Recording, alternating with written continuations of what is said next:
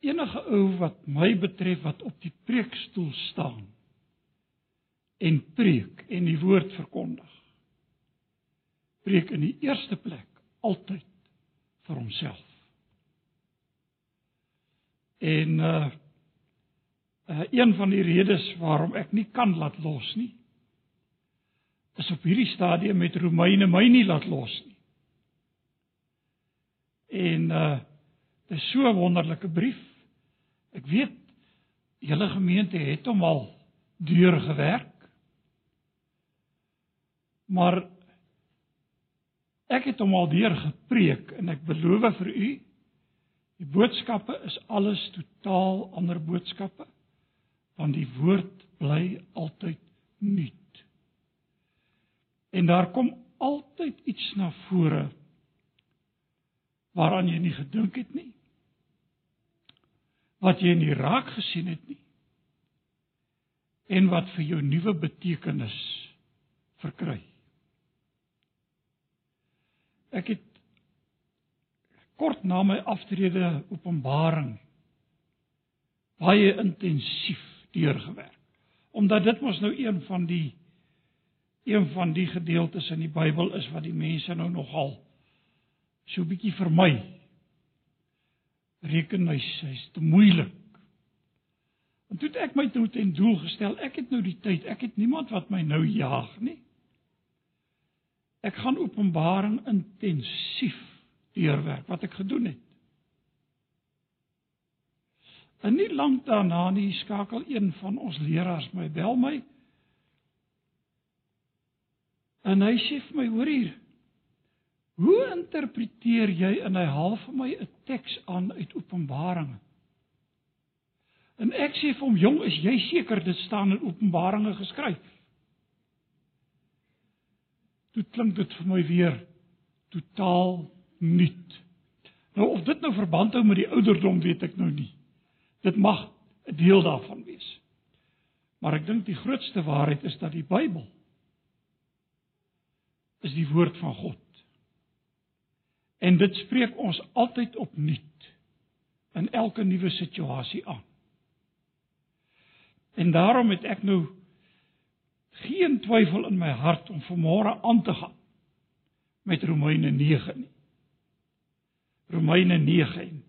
As u Bybels oopgemaak het, ek gaan net 'n gedeelte hier uit lees en uh dit het my so aangegryp dat ek op hierdie stadium nie seker is hoe ver ons vandag gaan kom daarmee nie. Romeine 9 en ek gaan voorlees vanaf die eerste vers. Kom ons buig net ons hoofde dan bid ons saam. Baie dankie Here vir die wonder van u woord wat u aan ons gegee het en dat ons vanmôre kan be bely dat hierdie woord is deur die gees van God geïnspireer. En daarom bid ons soos wat ons dan vanmôre hier by mekaar is dat u deur u gees weer hierdie woord opnuut in ons eie harte en ons denke en ons lewens nuut sal maak. En dat dit vir ons opnuut in verwondering sal laat oor die grootheid van u heil. so omvangryk dat ons dit nie kan beskryf of werklik alles kan verstaan nie.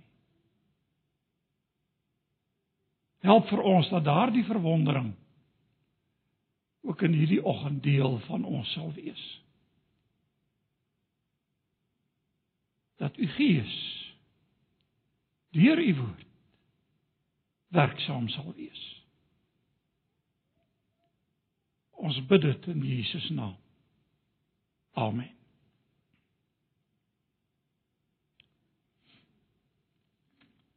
Gaan vir u voorlees uit die uh, uit die nuwe vertaling. Romeine 9 vers 1 In my verbondenheid met Christus praat ek die waarheid. Ek lieg nie. En my gewete wat deur die Heilige Gees gelei word getuig saam met my. sien die apostel Paulus maak staat op drie getuies. Sy verbondenheid met Christus, gewete wat deur die Heilige Gees gelei word. Hy praat die absolute waarheid. Dat daar by my groot droefheid en voortdurende hartseer is oor my broers, my eie volksgenote. Ek wil hier net 'n opmerking maak en in die boodskap sal dit weer na vore kom. Uh 'n mens wonder nou skielik is dit asof Paulus se aandag nou so 'n bietjie weggetrek is nadat hy oor al die wondere van die heil gepraat het. En skielik praat hy oor sy eie volksgenote, sy eie mense. En dan is dit asof 'n mens die stem van 'n Moses van ouds en die stem van die Here Jesus hoor. Ek sou self vervloek wou wees afgesny van Christus. As dit tot hulle voordeel kon wees. Hulle is tog Israeliete. Vir hulle het God as sy kinders aangeneem en in sy heerlikheid was hy by hulle.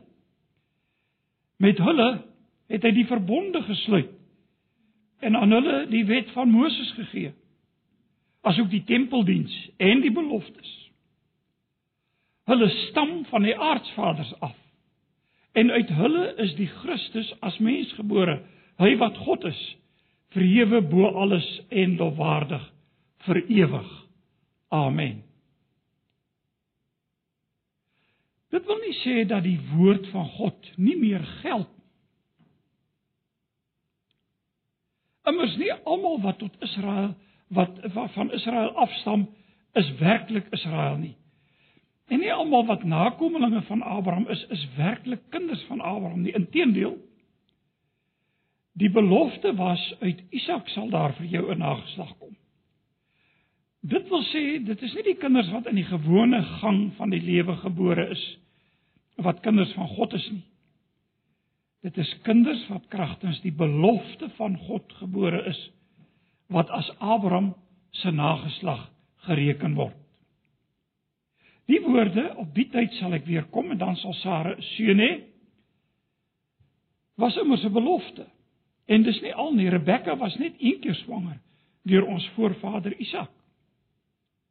En toe haar kinders nog nie gebore was en ook nog niks goeds of kwaads gedoen het nie, Toe is al vir haar gesê, die oudste sal die jongste dien. Daar staan ook geskrywe vir Jakob het ek liefgehad, maar vir Esau het ek gehaat. Die besluit van God is gegrond op uitverkiesing. Dit hang dus nie af van wat 'n mens doen nie, maar van hom wat jou roep. Wat moet ons hieruit aflei dat aflei dat God onregverdig is? Beslis nie. Vir Moses sê hy ek sal barmhartig wees oor wie ek barmhartig wil wees en ek sal my ontferm oor wie ek my wil ontferm. Dit hang dus nie af van 'n mens se wil of strewe nie, maar van God wat barmhartig is. In die skrif sê God immers vir vir die farao, juis hiervoor het ek jou teen my in opstand laat kom dat ek in jou my krag kan toon en dat my naam oor die hele aarde verkondig kan word. Dit is dus inderdaad so dat God hom ontferm oor wie hy wil en hy verhard wie hy wil. Nou ek is vanmôre deeglik bewus en ek lees vir eers net tot hier. Dat vir baie mense is hierdie 'n verskriklike moeilike gedeelte. En heel dikwels is dit asof mense wegskram uh van Romeine 9. Maar u sal onthou dat ek die Here gevra het in gebed vanmôre dat hy ons sal help om iets van die grootheid van sy heil raak te sien. Want dit is eintlik wat in Romeine 9 na vore kom. Die grootheid, die onverklaarbaarheid, die omvangrykheid van God se heil word in hierdie gedeeltes vir ons uitgespel. In Romeine 9, 10 en 11. Nou u sal onthou, ons het begin by Romeine 1. En Romeine tot dusver kan 'n mens sê het eintlik in breë gegaan oor God se reg. Ons kan ook praat van sy geregtigheid. God se reg. Sy reg is gehandhaaf. Onthou julle in die aanklag reg aan die begin. Die klagstaat. Want hy was volkome in sy reg om die ganse wêreld te veroordeel.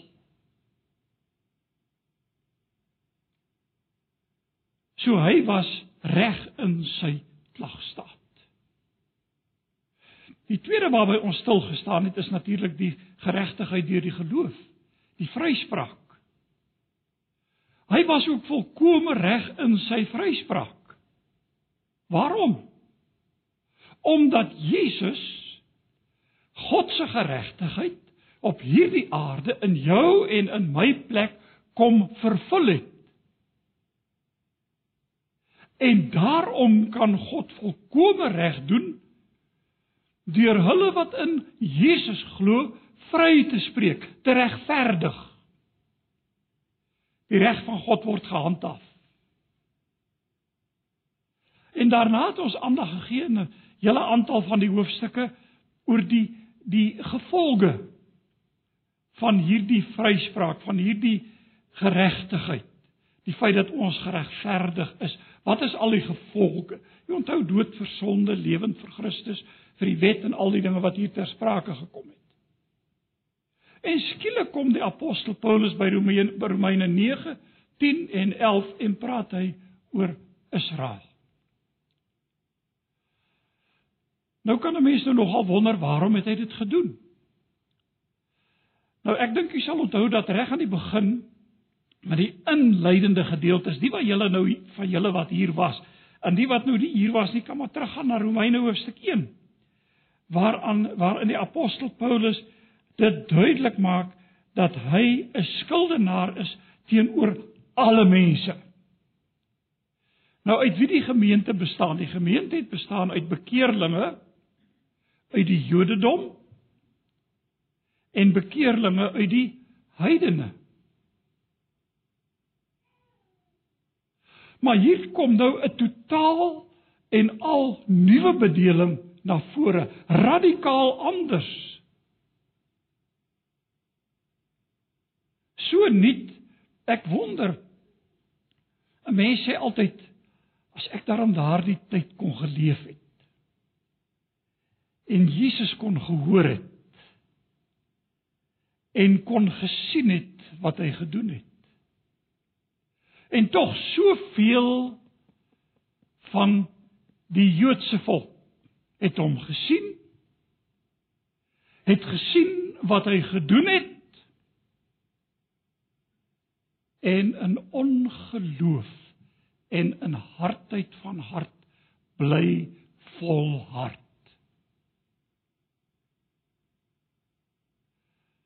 Ag broer en suster, in 'n sekere sin is dit maar 'n prentjie van ons ook. Ons lyk nie anders nie. Maar die apostel Paulus kom hier in hoofstuk 9. En hy kyk na hierdie volk Israel. En ek wil nou dadelik vir u sê as die as die Bybel die term Israel gebruik,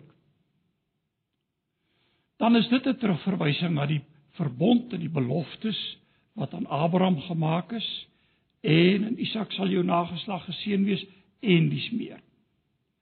En ek gebruik in my spraak gebruik Jood en Israel respektiewelik.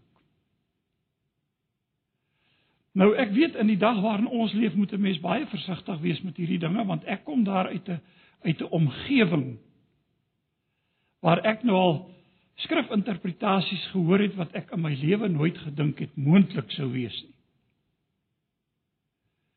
Want uh, ek het een iemand het vir my boekie in die hand gestop en toe kyk ek daaraan toe lees ek die ou kommentarieer hier oor Romeine.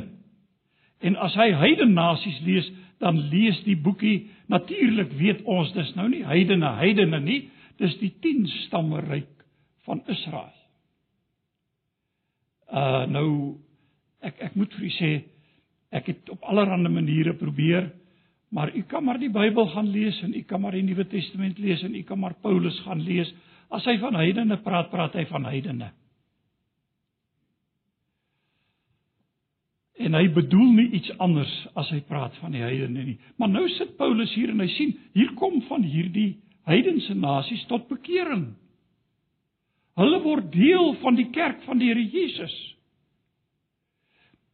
En dit lyk so asof daar net 'n handjie vol op daardie tydstip van die Jode is wat tot geloof kom. En luister wat sê Paulus, hy sê ag, hy sê in my verbondenheid met Christus praat ek die waarheid as ek lieg nie. Hy sê daar's by my 'n groot droefheid, 'n voortdurende hartseer oor my broers, my eie volksgenote. Hy sê ek sou self vervloek wou wees afgesny van Christus as dit tot hulle voordeel kon wees. Kan nie Paulus se pleidooi hoor, sy hartseer oor sy eie volksgenote, sy eie mense waaroor hy in droefheid is. En onthou die apostel Paulus het daarop geroem dat hy die apostel vir die heidene was. Baie duidelik gestel. En tog is daar by hom hierdie hartseer, so hartseer dat hy sê ek sou selfs vervloek wou wees ter wille van hulle. Ek het mos vir u genoem, hier hoor 'n mens die stem van Moses nie waar nie. Toe God nadat die volk die goue kalf aanbid het, hulle wou uitwis. Toe sê Moses asseblief Here moenie wis my liewer uit. Maar spaar hulle. Iemand het dit so gestel, baie bekende teoloog. Uh het gesê toe God Moses roep, toe wil Moses nie gaan nie. Hoekom nie? Kan julle onthou? Here, ek kan nie praat nie. Ek is swaar van tong. En hy wou nie gaan nie. En toe gee die Here vir hom hulp wat namens hom kan praat. En hierdie ou sê in 'n teologiese werk, hy sê en intussen tyd het God Moses so goed geleer praat dat toe hy sy volk wou uitgewis, toe hoor hy sy seun se stem in Moses. Help my maar liewer uit, maar spaar hulle. En dan vind ons uiteindelik die Here Jesus Christus wat 'n vervloeking is vir almal sodat ons gered kan word. En dis wat wat wat wat Paulus hier sê.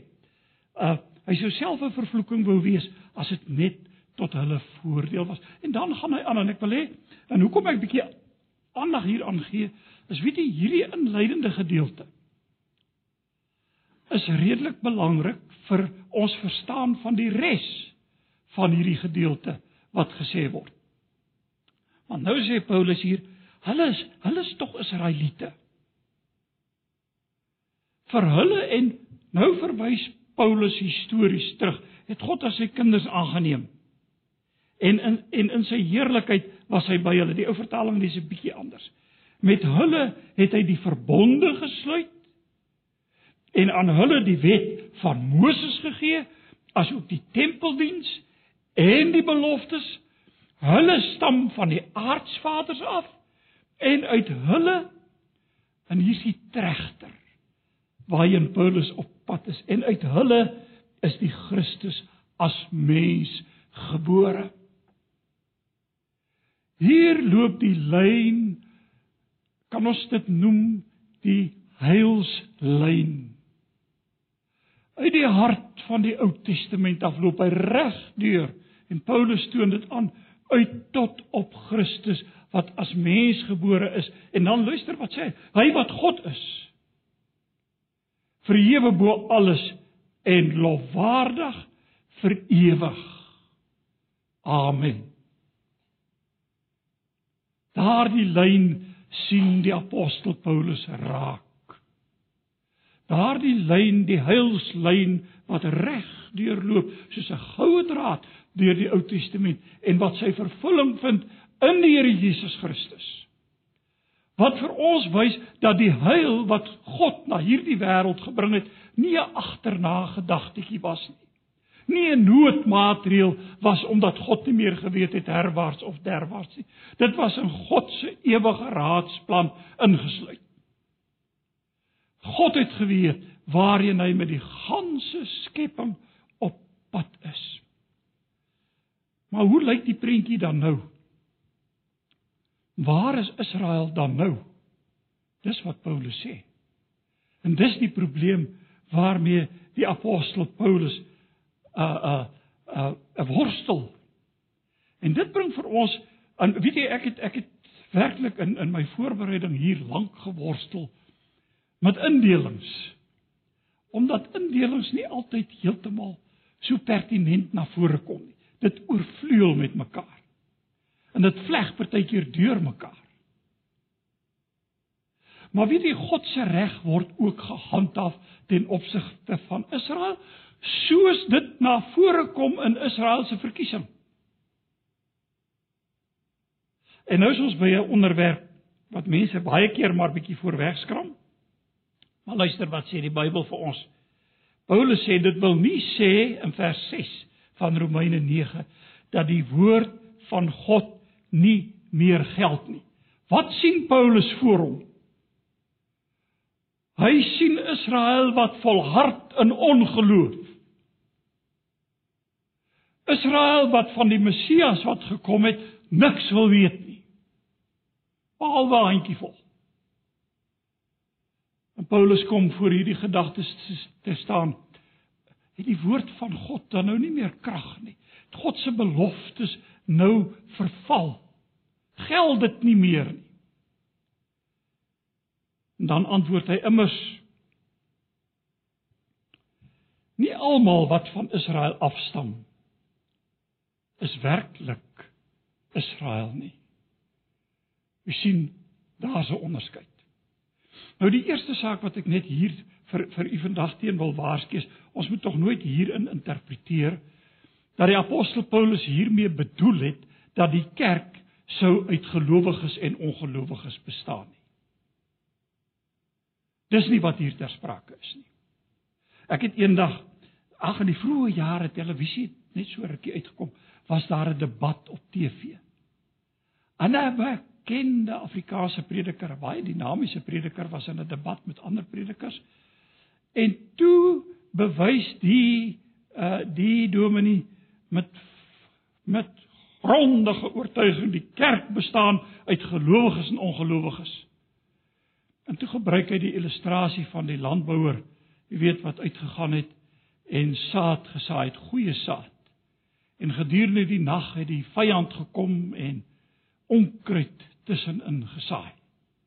En toe die onkruid kom, opkom, toe kom sy mense sê, "Moet ons nie maar die onkruid uittrek nie." Toe sê die landbouer, "Uh, nee, wag, wag, wag. Net nou trek ons die, onthou julle, die goeie saad, die goeie plant saam met die onkruid uit. Kom ons wag." En op grond daarvan het die die, die predikant met groot oortuiging gesê, "Daar het julle die, die kerk bestaan uit gelowiges en ongelowiges." Net 'n terloopse opmerking. Daardie gelykenis gaan oor die koninkryk van God, nie oor die kerk nie. Ek het so gewens ek kon 'n antwoord gee, maar nou sit ek hier voor 'n kassie en nou praat ek met die kassie en niemand hoor my nie. Was so ontsteld oor daar nou nie 'n 'n antwoord kon kom om te sê maar maar daai gedeelte praat nie oor die kerk nie. En broers en susters, jy moet mooi oplet, waaroor is Paulus besig om te praat hier? Hy praat oor Israel die kerk gaan ook ter sprake kom en dis hoekom ek vir u gesê het vreeslik moeilik om altyd te onderskei want die dinge is deur mekaar gevleg. Maar Paulus sê nie almal is Israel wat uit Israel is nie want luister nou wat sê hy verder. Uh en nie almal wat nakommelinge van Abraham is is is werklik uh kinders van Abraham nie. Inteendeel die belofte was uit Isak sal daar vir jou 'n nageslag wees. En broers en susters, dis nou een van die redes wat ek nou vandag gesê het, ek weet nie hoe ver gaan ons hier kom nie. Maar hier's belangrike goed wat ons moet raak sien, glo ek. Om vir ons te wys hoe groot, hoe werklik groot en omvangryk en onverklaarbaar God se genade en sy heil is. Dis net dis ondenkbaar. Ek dink nie ons kan dit werklik verstaan nie, maar kom ons gaan nou terug en ek wil hê julle moet saam met my teruggaan na Genesis 17 toe. En hier is nou iets belangriks. En ek wil dit graag met julle deel en ek doen dit ook in die lig van wat ek net nou gesê het oor die kwessie van Israel en wie is Israel en die 10 stamme ryk en dis meer en dis meer. Genesis 17. Nou ons lees in Genesis 15 van die verbond met Abraham en dan in Genesis 17 kry ons 'n uitvoerige uitvoeriger bespreking daarvan. Ek wil hê jy moet saam met my blaai na Genesis hoofstuk 17. En daar's 'n rede hoekom ek dit doen. Want u sien, daar's 'n beweging in ons land aan die gang, 'n baie sterk beweging. Waarin daar gesê word die evangelie en God se verbond staan vas. Hy verander nooit sy woord. En dan sê ons amen, dis waar. En dan sê hulle nou hoekom? Wie's nou die heidene? U sien en dan word die heidene nou die 10 stamme, die verlore 10 stamme ryk.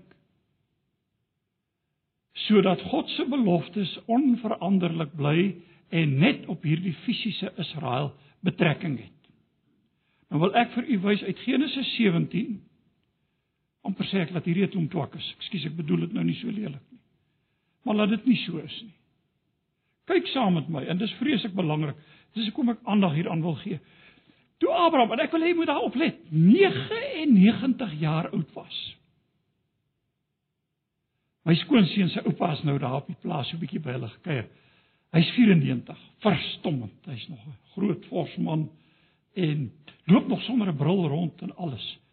99 Abraham. Ek meen toe Dawid so op die einde was, in in verskoon nou die die uh manier waarop ek dit sê maar onthou hy was so op sy laaste daar in die bed gelê toe bring hulle 'n jong meisie daarna om om te kyk of daar nie nog tog 'n bietjie lewe in ou Dawid kon kom nie. Maar uh, Dawid se tyd was verby. Abraham 99 jaar oud. Die Nuwe Testament, die apos die apostel Paulus sê in Romeine 4 ons was daarby. Hy hy was so goed soos dood. Dis eintlik waaroor dit gaan. 99 het die Here aan hom verskyn en gesê: Ek is God, die Almagtige. Hebreë sê El Shaddai. Wandel voor my en wees opreg. Ek sal my verbond met jou sluit. En nou moet jy mooi luister. Baie baie mense uit jou laat voortkom. Abraham het op sy knieë geval met sy gesig na onder, jy weet die die aanbidding voor die Here. En toe sê God vir hom: "Dit is my verbond met jou." Luister nou na die woorde: "Jy sal die vader wees van 'n menigte nasies in die meervoud." Het u dit? Vir Abraham word met die sluiting van die verbond gesê jy sal die vader wees van 'n menigte nasies en in die daaropvolgende versies word dit 3 keer herhaal. Kyk saam met my. Jy sal nie meer Abraham genoem word nie, vers 5. Jou naam sal Abraham wees, vader van baie nasies, want ek maak jou die vader van baie nasies. Daar's hy weer. Meervoud. Wil jy moet mooi oplet. Meervoud. Ek sal jou baie kan ook vertaal met buitengewoon vrugbaar maak. Ek sal jou tot nasies weer meervoud maak. En konings sal uit jou voortkom. Kan u sien dat God se woord staan onwankelbaar vas? En dat hy van die begin af die wêreld in die oog gehad het. Die nasies in die meervoud. Natuurlik sou Israel 'n besondere rol daarin speel en dit kom in die volgende 'n uh, gedeelte ter sprake. Luister daar by vers 7. Ek bring 'n verbond tot stand tussen my en jou en hier kom hy. Dis die manier waarop God gaan werk. Tussen my en jou en jou nageslag of nasate kan 'n mens dit vertaal. En al hulle nasate. Dit is 'n ewige verbond. Ek sal jou God wees en ook die God van jou nasate. Nou wie is hulle? Nou Abraham God gaan verder met Abraham praat. Want sien op daardie stadium toe die Here hierdie belofte aan Abraham maak. Toe weet Abraham wêreld man ek staan ek staan hier kans ek is 99 jaar oud en my vrou is hier op my hakke. Waar is daar 'n moontlikheid vir 'n nageslag? Maar weet jy, dis hoe God se heil werk. Onverklaarbaar. Buitengewoon. Dis 'n wonderwerk. Maar Abraham dink vleeslik, soos wat ek en jy sou gedink het. Hy dink dadelik aan gelukkig Ismael is daar. Daarom so die hoop is maar op Ismael. Luister wat sê hy. Vers 8. Ek gee aan jou en jou nageslag die land waar jy as vreemdeling woon, die hele Kanaan as 'n blywende besitting en ek sal hulle God wees. En ek wil iets sê oor hierdie blywende besitting Kanaan. Gaan lees in Romeine 4 hoe interpreteer Paulus dit. Paulus interpreteer dit die hele wêreld. Jy kan dit maar gaan naslaan. Ek kan nou nie op al hierdie skrifgedeeltes ingaan nie want maar dan gaan ons nie voor vanaand klaar kry nie. Hy sê in die land waar jy as vreemdeling woon, die hele Kanaan as 'n blywende besitting en ek sal hulle God wees. Verder het God vir Abraham gesê, jy moet my verbond nakom, jy en jou nageslag. Uh en dan kom die besnydenis in, jy moet elke manlike elke lid van die manlike geslag moet besny word. Uh en dit geld vir almal in sy huis ongeag of dit slawe is of wie dit is, almal moet hierdie teken ontvang.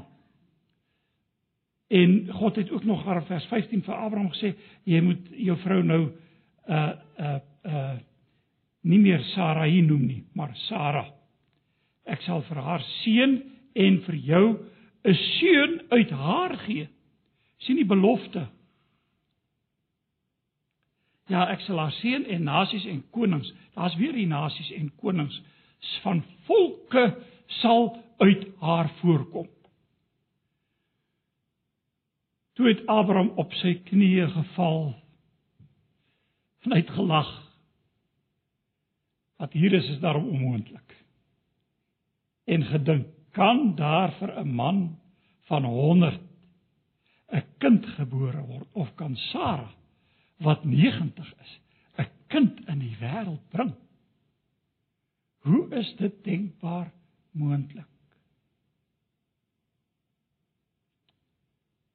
En luister in Abraham vers 18. Dis so mooi. En Abraham het vir God gesê as Ismael maar net. Wie sien? Hy gryp terug na Ismael toe. Na die vlees as Ismael maar net in u teenwoordigheid kan bly lewe. Maar God het vir Abraham gesê nee. Jou vrou Sara sal vir jou seun in die wêreld bring. Jy moet hom Isak noem en ek sal my verbond met hom hou as 'n blywende verbond. So daar loop die belofte lyn wat ons sopas net nou in Romeine 9 van gelees het. In Isak is die belofte. So daar loop die lyn. En dan wat van Ismael? Die Here sê in vers 20: Ek het gehoor wat jy oor Ismael gesê het. Kyk, ek seën hom ook. Ek maak hom vrugbaar en ek sal sy nakommelinge baie maak. Uit hom sal daar 12 heersers stam. En ek sal hom 'n en ek wil hê u moet luister. 'n groot nasie in die enkelvoud sien u die verskil? 'n Groot nasie laat word. Maar met Isak God se belofte nasies in die meervoud. En hierdie is vir my so belangrik vir die eenvoudige rede as ons dan teruggaan na ons na na na ons uh, uh, skrifgedeelte waarby ons wat ons gelees het, dan sien ons maar die hele oogmerk. Die hele saak gaan uiteindelik om Jesus die Christus wat gebore sou word in wie al die beloftes vervulling sou kry. Hy sou die troue bondgenoot wees wat Israel nooit kon wees nie. In hom is daardie verbond vervul God met ons. Julle sal vir my 'n volk wees. Ons vind die vervulling in die Here Jesus en ek sal vir julle 'n God wees. Natuurlik loop dit weier. Ons sal daarby uitkom. Maar kan u sien hoe dit afstam, hoe dit gaan oor die heil wat uiteindelik bewerkstellig is. En dan gaan hy aan, hy gaan verder oor hierdie hele saak van Rebekka was net een keer swanger deur ons voorvader Isak en nou gaan dit oor uh Jakob en Esau. En Jakob het ek liefgehad en Esau het ek gehaat. Nou hierdie saakie moet ek vir u vertel, dit was so interessant. My jonger dae kom ek in 'n gemeente en my voorganger daar het 'n reeks gedoen gehad oor Romeine. En daar was nou van die ouens wat nou maar so bietjie krapperig was, seker maar oor Romeine 9 van die dinge wat nie heeltemal verstaan het nie. En ek kom as 'n jong predikant daar aan en daar sit 'n ou oom. Ag, ek onthou hulle is lank al oorlede, is ou oom en tannie Engelbreg gewees. En hy sit daar in die konsistorie voor die erediens. Dit was altyd 'n Bybelstudie gehad. Ons by mekaar gekom het. En uh, ek moes die Bybelstudie ook lei. En toe ek daar gaan sit, toe sê die oom hy het vir my 'n vraag. En ek sê nee, maar dis reg, jy moet nou maar vra. Ek weet nie of ek sal kan antwoord nie. Hy sê nee, hy worstel met daai teks. Jakob het ek lief gehad. En Esau het ek gehaat. En onmiddellik toe weet ek waarheen is die oom op pad. En ek sê toe vir hom, ek sê o, ek dink ek het 'n idee wat oom se probleem is. Hy sê ja, wat? Ek sê oom het 'n probleem dat die Bybel kan sê God het Esau gehaat. Ja, sê is net so. Dis die probleem. Ek sê nee wat oom, dis nie 'n probleem nie. Ek sê my probleem met daai teks is baie groter as oom se. Want oom dink aan Jakob. Hy verkil sy broer, amper gebruik die regte Afrikaanse woord. uit 'n pot lensiesop uit waarin sy broer Esau sy eersgeboorte reg verkoop vir 'n pot lensies op. In Esau verkil hom daaruit. En toe die seun uitgespreek moet word, toe verkil Esau weer vir Jakob. En hy ontvang die seun in die plek van Jakob. Jakob bedrieër.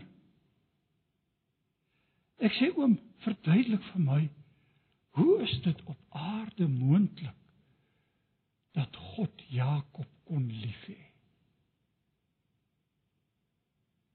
Ek sê meer nog. Hoe is dit op aarde moontlik dat God vir jou en vir my kan lief hê? Dit verstaan ek nie. Die eerste storie is nog vir my heel maklik hanteerbaar. Maar die liefde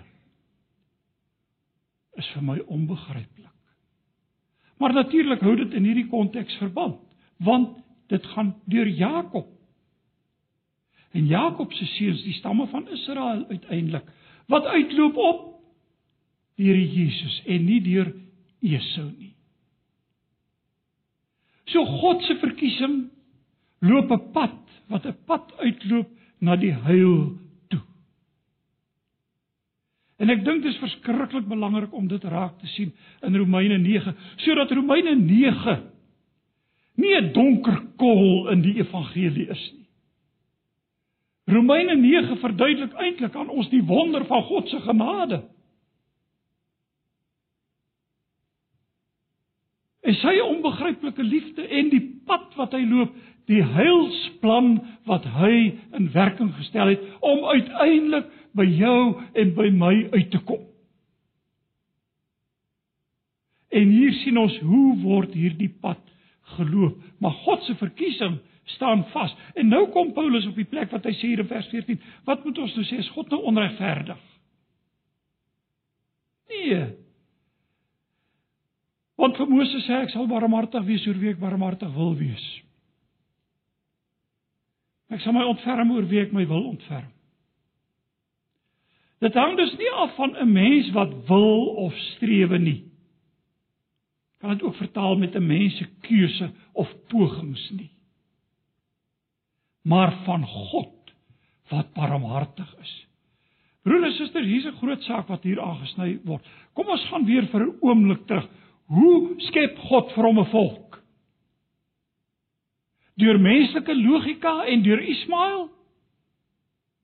glad en geheel nie teen alles wat teen teen ons indruis deur die onmoontlike skep God vir hom 'n volk uit wie die Messias sou kom. En weet jy hierdie saak kan ons vanmôre verder voer. Dink vir een oomblik aan die kerk. Wat sê Paulus van ons? En julle wat dood was deur die misdade het hy lewend gemaak. In Efesiërs 1 vers 1 en in Efesiërs 1 vers 5. So word Abraham uiteindelik die vader van alle gelowiges. Dit lees ons in Galasiërs. Ons lees dit in Romeine hoofstuk 4 waar die apostel Paulus daarna verwys en, en daarna het ons gekyk in die reeks oor Romeine en dan doen hy dit op 'n baie treffende wyse in Galasiërs 3 vers 7 waar hy sê julle sien julle sien dus die wat glo hulle is kinders van Abraham Nou broers en susters, hier kom nou 'n klomp implikasies na vore. En as ek nou hierdie onderwerp verder gaan aansny, gaan ons gaan ons nou nie vir oggend klaar kry nie. So ek ek gaan dit nie op hierdie stadium verder voer nie, behalwe dat ons sien dat God in sy soewereiniteit, in sy almag, hy sê hier sê die Bybel dat God ontferm hom oor wie hy wil, hy verhard wie hy wil, God is soewerein en hy stel soos hy wil sy heilsplan in werking en dit vind nie plaas deur menslike ingryping en menslike pogings en menslike wysheid nie. God doen dit in sy almag en in sy soewereiniteit. En dit is hoe die heil van God werk. Ek het baie keer vir studente in die verlede gesê. Baie keer worstel mense oor uitverkiesing. Ek sê, weet jy, vir my is dit 'n trooswoord vir die gelowige.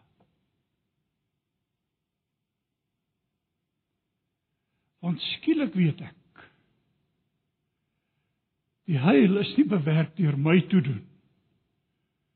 My wonderlike geloof en my wonderlike keuses en al daardie dinge nie.